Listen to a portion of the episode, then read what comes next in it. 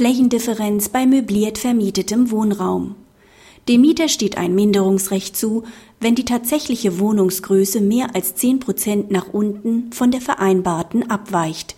Dies gilt auch bei möbliert vermietetem Wohnraum. In dem Mietvertrag ist eine möblierte Wohnung mit der Größe von 50 Quadratmeter angegeben, obwohl sie tatsächlich nur 44,3 Quadratmeter beträgt.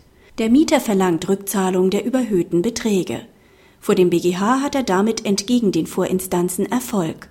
Dem Wohnraummieter steht bei einer Abweichung der tatsächlichen Wohnfläche von den vereinbarten Angaben ein Minderungsrecht, und zwar in dem entsprechenden Verhältnis zu, wenn die Differenz mehr als 10 Prozent beträgt. Dies gilt auch, wenn möblierter Wohnraum vermietet wird. Denn die durch die Wohnungsflächenunterschreitung auftretende Beschränkung liegt selbst dann vor, wenn die Einrichtungsgegenstände vollständig in der Wohnung untergebracht werden können.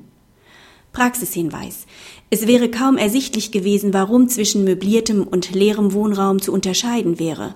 Unabhängig von der Möblierung verliert eine Wohnung auch an Bewegungszonen, wenn die Größe geringer ist als im Mietvertrag angegeben.